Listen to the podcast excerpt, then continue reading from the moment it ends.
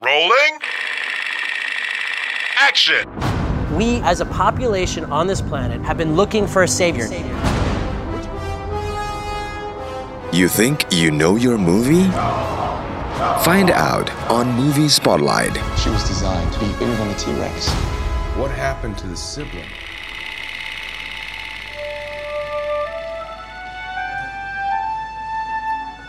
Saya Valentina Sagala, saya aktivis perempuan, aktivis feminis, dan saya adalah pendiri dari Institut Perempuan. Uh, kisah hidup seorang Kartini ini sering kali diangkat dalam uh, film-film dan di acara uh, Movie Spotlight kali ini saya akan mencoba mengulas tiga film Kartini. Yang pertama adalah film R.A. Kartini tahun 1982. Kemudian yang kedua film berjudul Surat Cinta untuk Kartini tahun 2016 dan uh, film Kartini 2017 yang uh, baru lalu.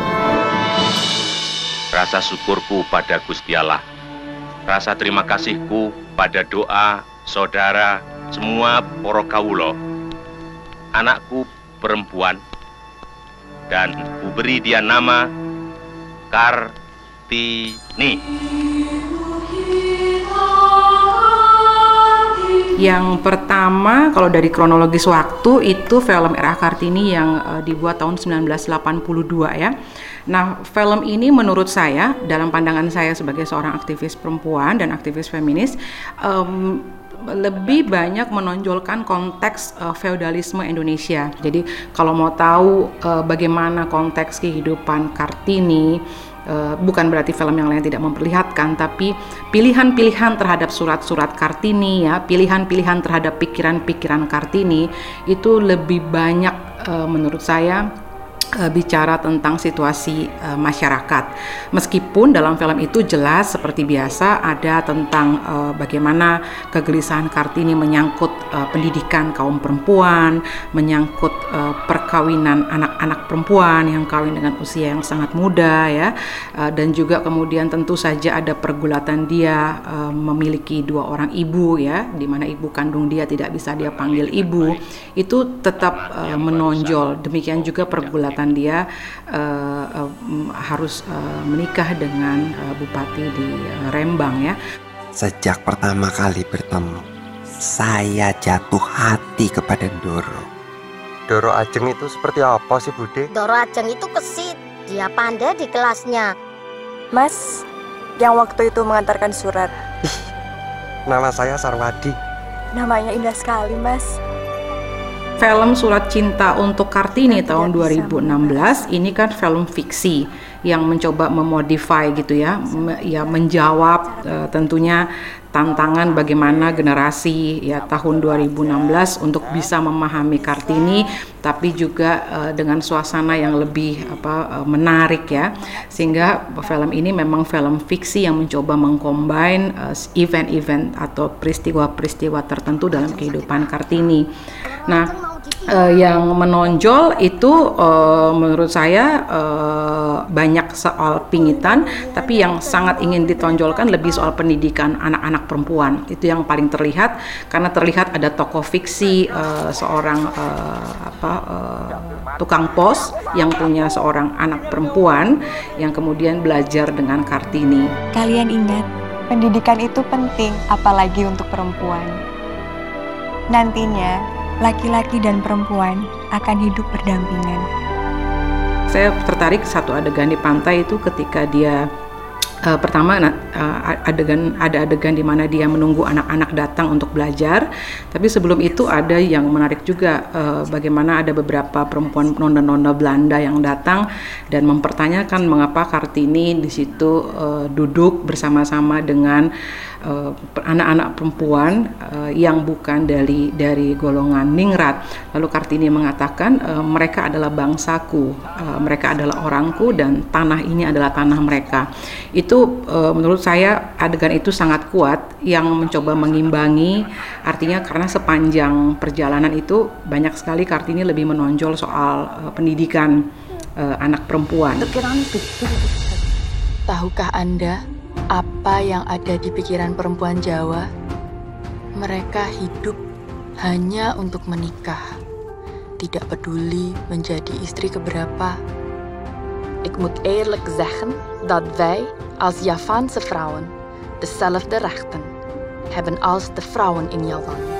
Dan untuk film yang ketiga yang 2017 ini yang oh, ya kita berhadapan dengan generasi yang ini ya generasi tanda kutip milenial ya yang mau tidak mau harus juga kita kita generasi yang sebelumnya punya um, harus punya semangat untuk menyampaikan uh, semangat Kartini dengan Eh, metode-metode yang menarik salah satunya lewat film yang menarik uh, penggambaran sendiri memang kalau bicara yang uh, Kartini 2017 itu uh, lebih banyak menurut saya teks-teks atau narasi tentang pribadi Kartini menyangkut dirinya sendiri. Jadi kalau dalam pemikiran uh, feminis itu kan ada yang kita kenal dengan uh, personal is political ya. Jadi pribadiku adalah politiku.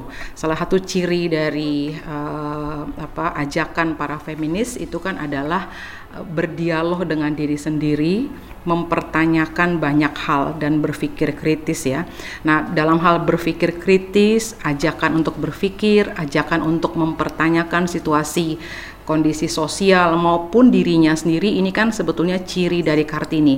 Dia uh, dia bertanya tentang situasi di sekitarnya ya uh, tentang anak-anak yang umur 14 tahun, 12 tahun tapi sudah menikah dan punya anak dan tidak sekolah, tapi dia juga bertanya tentang pengalaman-pengalaman dirinya sendiri. Dan ini menurut saya yang menjadikan Kartini adalah sosok uh, feminis karena uh, dia tidak hanya tidak hanya bergelut dengan urusan di luar dirinya, tapi dia juga mencoba terus bertanya dan Eh, berpikir kritis terhadap pengalaman-pengalaman kesehariannya yang menyangkut personal.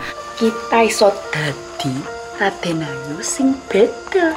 Apakah masa pingitan bagi dirimu saat ini dapat dipertanggungjawabkan? Apakah budaya pingitan pada umumnya bukan justru merupakan pengkhianatan terhadap kepada cita-cita Agung Romo sendiri atau yang Tondro? Cukup! Setelah di segmen sebelumnya, rekan saya Valentina Sagala sudah memberikan ulasannya tentang film-film Kartini. Sekarang saya Adnike Nova Sigiro dari Yayasan Jurnal Perempuan akan memberikan pandangan saya tentang sosok R.A. Kartini yang dikisahkan dalam tiga buah film. Yang pertama adalah film R.A. Kartini yang diproduksi pada tahun 1982. Lalu Surat Cinta untuk Kartini yang diproduksi pada tahun 2016 dan yang terakhir film Kartini yang diproduksi pada tahun lalu di tahun 2017. Bagi saya Kartini adalah sosok feminis Indonesia yang luar biasa. Sayangnya dia hanya dikenal sebagai pejuang atau pahlawan yang uh, berjuang untuk emansipasi perempuan. Padahal sebagai feminis, Kartini juga memperjuangkan nilai-nilai anti kolonialisme, nilai-nilai anti feodalisme, dan uh, nilai-nilai anti uh, penindasan.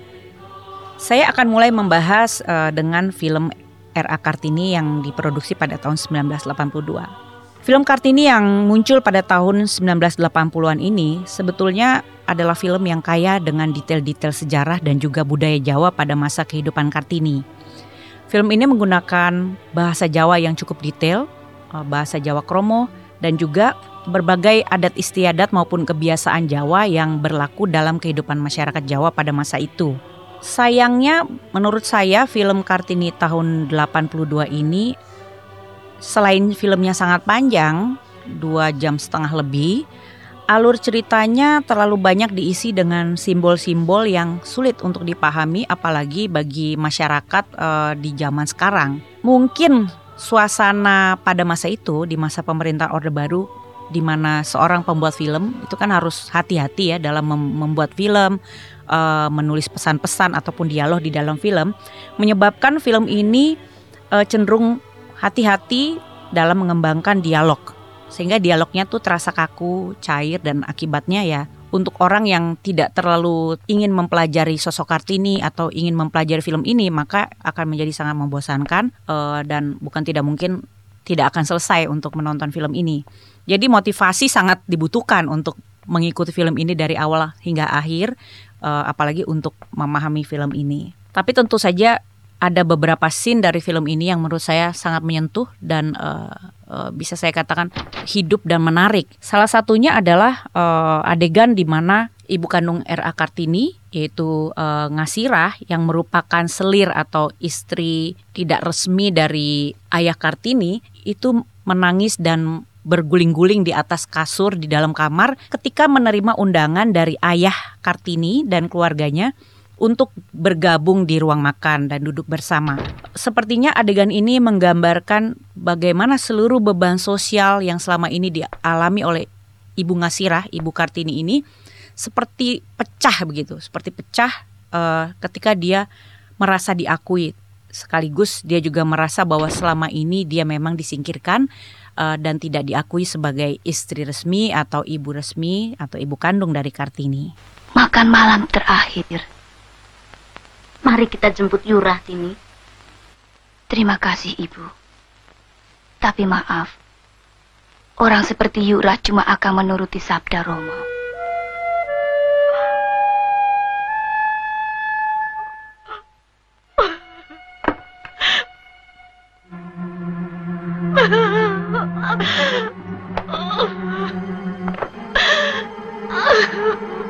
Film yang kedua adalah film Surat Cinta untuk Kartini.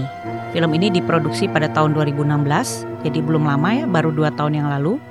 Nah, berbeda dengan film R.A. Kartini pada tahun 1982, Film Surat Cinta untuk Kartini terasa lebih ringan dan lebih besar muatan fiksinya. Saya pikir hal ini sangat lumrah terjadi karena sang pembuat cerita menggunakan tokoh tambahan, sang tukang pos, sebagai tokoh sentral yang mengantar kita untuk mengenal sosok Kartini. Sang tukang pos ini yang digambarkan sebagai sosok yang kurang dikenal dalam sejarah Kartini, telah membantu Kartini untuk bertukar pesan dengan dunia Eropa. Sang tukang pos digambarkan memiliki kekaguman sekaligus cinta platonik terhadap Kartini.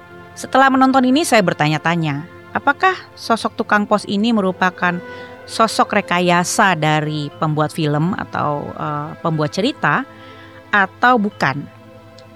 Tetapi ketiga film tentang Kartini memang tidak dapat dilepaskan dari sosok tukang pos karena salah satu cara Kartini berkomunikasi dengan dunia di luar dia adalah melalui surat menyurat. Dan selalu ada adegan di mana ada pengirim surat atau ada adegan di mana Kartini menerima surat.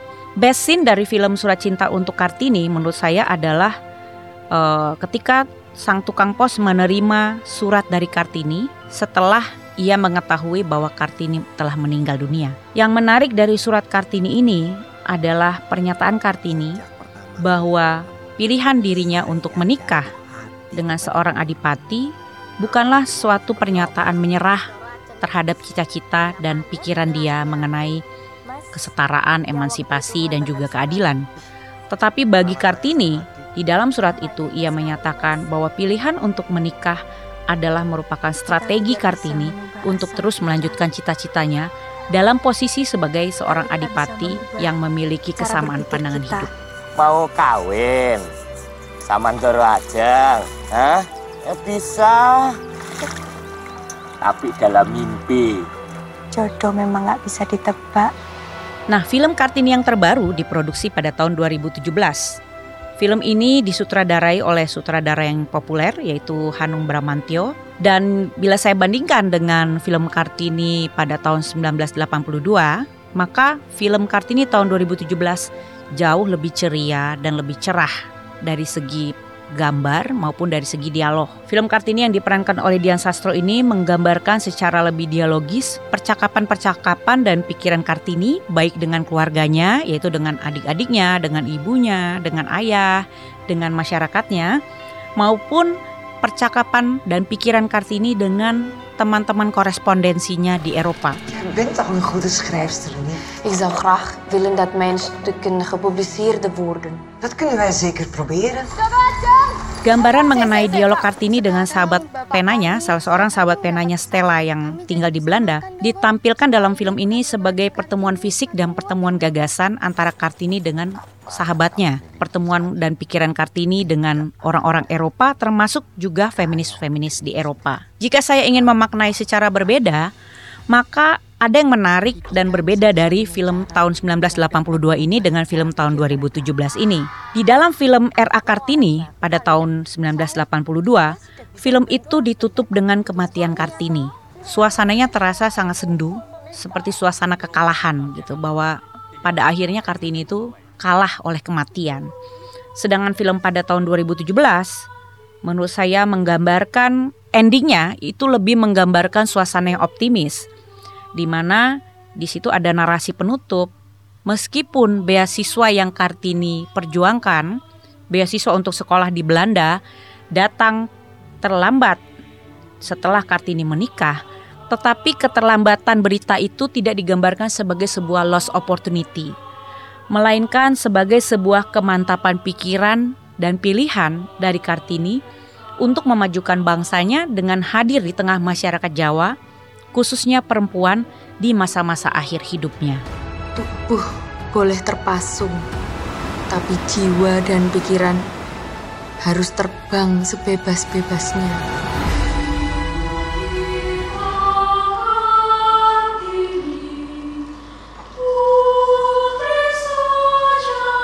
Masih bersama saya Valentina Sagala, uh, saya seorang aktivis perempuan, aktivis feminis dan pendiri Institut Perempuan.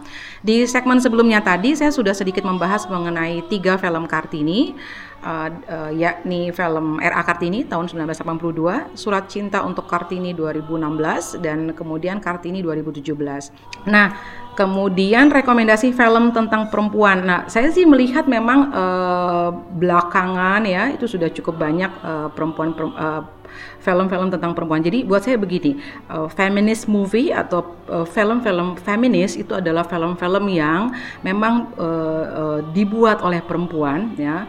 Uh, artinya naskah teksnya itu dari perempuan, uh, pengerjaannya itu uh, dibuat juga oleh perempuan. Dan memang uh, beberapa feminis itu menginginkan agar film-film feminis juga film-film yang bertujuan menyuarakan pembebasan dari ketidakadilan, tapi juga proses pembuatan film itu sendiri itu uh, diharapkan seperti tadi saya katakan personal is political jadi diharapkan juga memberi makna bagi para pemain dan semua yang berperan di film itu. Nah ini uh, pertanyaan ini saya lempar tentunya kepada para pekerja film sendiri ya. Jadi bagaimana sebuah proses jadi uh, sebuah feminist movie atau sebuah uh, sebuah film feminis tidak hanya film yang memaparkan tentang isu-isu feminisme ya, tapi juga film yang memberi makna bagi mereka yang terlibat di dalam film itu. Salah satu film yang baik menurut saya itu yang saya ingat itu film Perempuan Punya Cerita ya yang uh, sutradaranya uh, Mbak Nia Dinata. Uh, film itu bercerita, film itu memap, me, bertutur tentang seksualitas perempuan, satu isu yang pada masa itu tidak banyak dibicarakan orang, masih sangat tabu, diangkat, dibongkar, didialogkan tanpa apa ya, menurut saya uh, apa adanya, dibongkar apa adanya, dan meninggalkan pesan-pesan yang uh, menurut saya um, apa ya meninggalkan pertanyaan-pertanyaan buat penonton. Uh, jadi ajakan untuk penonton mempertanyakan ulang karena di situ ada intersection permasalahan, ada masalah Jawa tanda kutip, ada masalah religi, ya, uh, ada masalah uh, uh, usia anak-anak remaja, ada masalah keperawanan ya ada masalah macam-macam tuh di situ di di film itu itu salah satu contoh.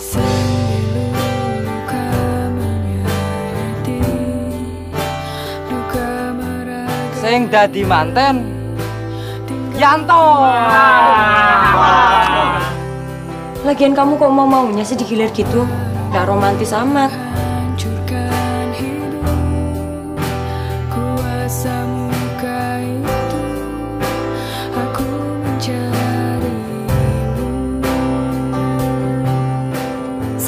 Bidan, Pak. Saya bisa jadi saksi. Jelas buktinya anak ini diperkosa. Nah, untuk film yang saya suka banget ya dan saya rekomendasikan banget itu adalah uh, Iron Jawed Angels tahun 2004. Film ini menurut saya film wajib bagi semua yang tertarik dan ingin tahu mengenai gerakan perempuan uh, film ini menceritakan tentang perjuangan teman-teman feminis, aktivis feminis atau aktivis perempuan di Amerika Serikat dalam konteks waktu sekitar tahun 19 uh, 1900 sekian sampai nanti 1920 itu akan ada amandemen ke-19 Konstitusi Amerika tentang hak politik perempuan. Jadi mirip dengan Kartini ya, tapi menjadi berbeda bagi mereka yang ingin belajar tentang gerakan feminis, gerakan perempuan itu menurut saya film ini sangat bagus. Paul, Alice Paul. She thinks Congress is going to suddenly roll over and give women the vote. I thought you said she was bright. If I send you to Washington, I want your assurance that there will be no hooligan tactics. You have it. The new suffragist is single, young, independent, Educated. and very beautiful. She's you. On a horse. A cowgirl. A warrior. Uh, menurut saya tantangan yang dihadapi oleh perempuan Indonesia saat ini adalah uh, di tengah-tengah kemajuan yang sudah kita uh, bisa lihat, baik itu dalam hal kepemimpinan perempuan, partisipasi perempuan, kita masih menghadapi beberapa persoalan seperti uh, angka partisipasi anak-anak perempuan untuk mengenyam pendidikan dari pendidikan yang basic ya, pendidikan dasar sampai ke pendidikan tinggi. Kita juga masih menghadapi persoalan di mana anak-anak perempuan kita masih dinikahkan dalam usia yang sangat muda. Kita juga menghadapi persoalan di mana diskriminasi terhadap perempuan itu masih terlihat dalam beberapa peraturan hukum di Indonesia. Uh, dan juga uh, perempuan Indonesia juga banyak menghadapi kekerasan seksual dan belum memperoleh hak-hak uh, mereka terkait dengan uh, kesehatan reproduksi dan hak-hak seksualitas.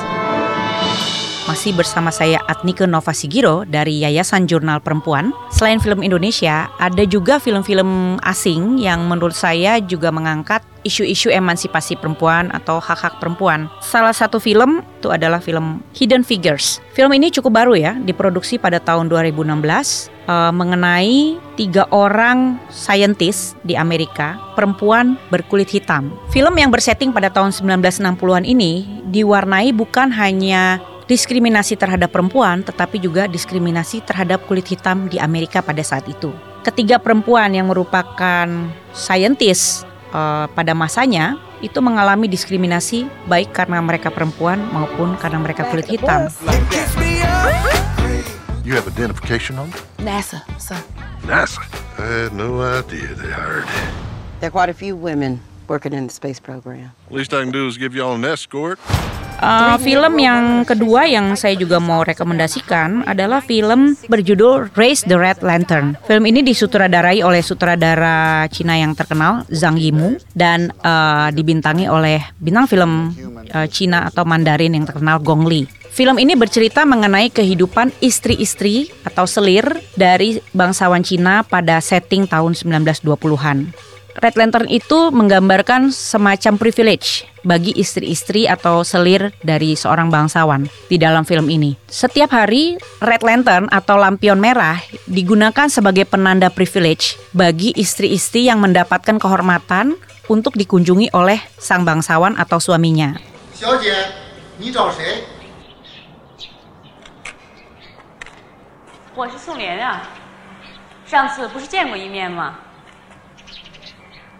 哎呦，四太太是您呐！您等等等等。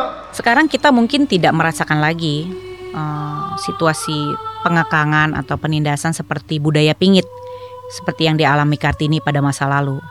Tetapi kita juga melihat uh, di masa di masa kini mulai muncul juga dan menguat uh, stereotip-stereotip yang menggunakan moralitas, uh, menggunakan nilai-nilai agama ataupun adat yang kemudian uh, mengekang perempuan atas nama kepantasan. Uh, isu poligami juga merupakan isu yang masih terus berlanjut dan masih harus terus diperjuangkan oleh perempuan Indonesia. Uh, masalah lain juga belum lama ini juga uh, muncul lagi adalah pernikahan anak. Uh, pernikahan anak semakin gencar dipropagandakan demi misalnya mencegah terjadinya uh, hubungan seks di luar nikah. Uh, tantangan lain yang masih terus berlanjut adalah kemiskinan. Hingga saat ini Indonesia masih kekurangan pendidikan yang berkualitas dan yang terjangkau. Saya pikir itu merupakan beberapa persoalan perempuan uh, yang masih relevan dan harus terus diperjuangkan di Indonesia. Dan saya percaya tidak mungkin Indonesia menjadi bangsa yang maju tanpa perempuan yang empowered atau perempuan yang berdaya dan setara dengan masyarakat lainnya.